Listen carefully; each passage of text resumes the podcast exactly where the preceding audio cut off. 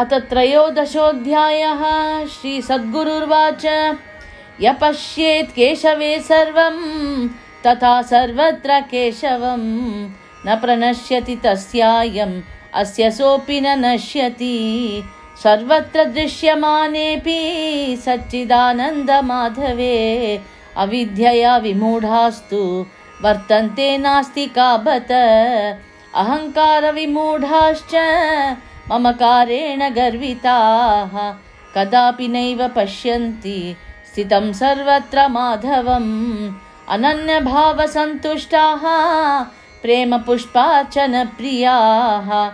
अहिंसका महात्मानो वीक्षन्ते तन्मयं जगत्। कदाचित् एकनाथस्तु संयुतो यात्रिकैर्जनैः। वाराणसीमा जगाम नानाक्षेत्राणि पर्यटन्। स्नात्वा भागीरथीतीर्थे विश्वनाथं ददर्शः।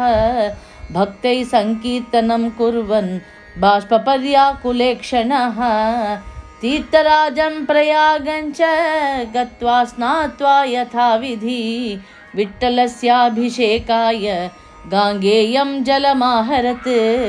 एवं सर्वे सहचराः पवित्रं जाह्नवीजलं कुम्भेष्वादाय सानन्दम् अनुजग्मुस्तमेव हि विविधानि वनान्येवं नगराणि बहूनि च अतिक्रम्यैव संश्रान्ता त्वा गच्छन्ति निजं पुरं पादयात्राश्रमेणापि क्षुधा चैव पिपासया संश्रान्ता यात्रिका सर्वे मरुभूमिं क्वचिद् गताः आतपेनापि सन्दग्ध तृषार्ताश्चापि यात्रिकाः। गङ्गाजलं नैव पपुः चानीतं विठ्ठलायते। अकस्मात् ददृशे तत्र तृषार्थो गर्धभस्तदा। कण्ठस्त्रप्राणको दीनः चातपेनापि पीडितः। तं दृष्ट्वा गर्धभं दीनं कृपया वैष्णवोत्तमः। उवाच यात्रिकान् सर्वान् धर्मसूक्ष्मं प्रदर्शयन्। एकनाथ उवाच गर्दभोऽयं तृषार्तस्तु पतितो दृश्यते खलु। अयं गन्तुं न शक्नोति चान्यत्र सलिलान्तिकम्। तस्माद्दातव्यमस्माभिर् अस्मै गङ्गाजलं त्विह एवं हि जीवकारुण्यं। हरेराराधनं ननु यात्रिकाऊचुः प्राप्नोति कर्मणा दुःखं सुखं प्राप्नोति कर्मणा। स्वीयं कर्मफलं भुङ्क्ते जीवः सर्वोऽपि पण्डित। विठ्ठलस्यैव पूजायै समानीतमिदं जलं कोदध्याद्गर्गदभाया स्मै बुद्धिमान् पापयोनये एकनाथ उवाच अयं साक्षात् पाण्डुरङ्गो नात्र कार्या विचारणा। अस्मै दास्यामि सलीलं यूयं गच्छत दुर्भगाः।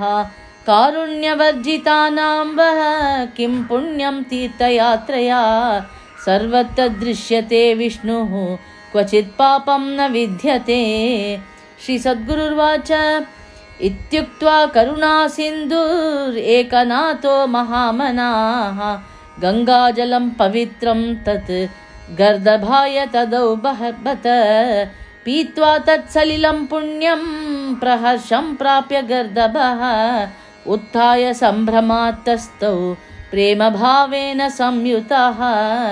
सहसान्तर्धदे तत्र गर्दभो जलपोषितः ददृशे तत्र भगवान् विठ्ठलो रुक्मिणीपतिः पीताम्बरधरस्रग्वी साक्षान्मन्मथ मन्मतः स्निग्धपावृङ्गश्यामः कठिन्यस्तकराम्बुजः श्रीवत्सकौस्तुभधरः चलन्मकरकुण्डलः जगन्मोहनसौन्दर्यो मन्दहासमुखाम्बुजः। तं दृष्ट्वा पण्डरीनाथं लोकनाथं श्रियपतिम् आलिङ्ग्य प्रेमभावेन प्रणनाम कृताञ्जलिः भक्तश्रेष्ठं समालिङ्ग्य भगवानपि विठ्ठलः प्रेमस्निग्धेन वाक्येन तोषयामास तं प्रभुः श्रीभगवानुवाच।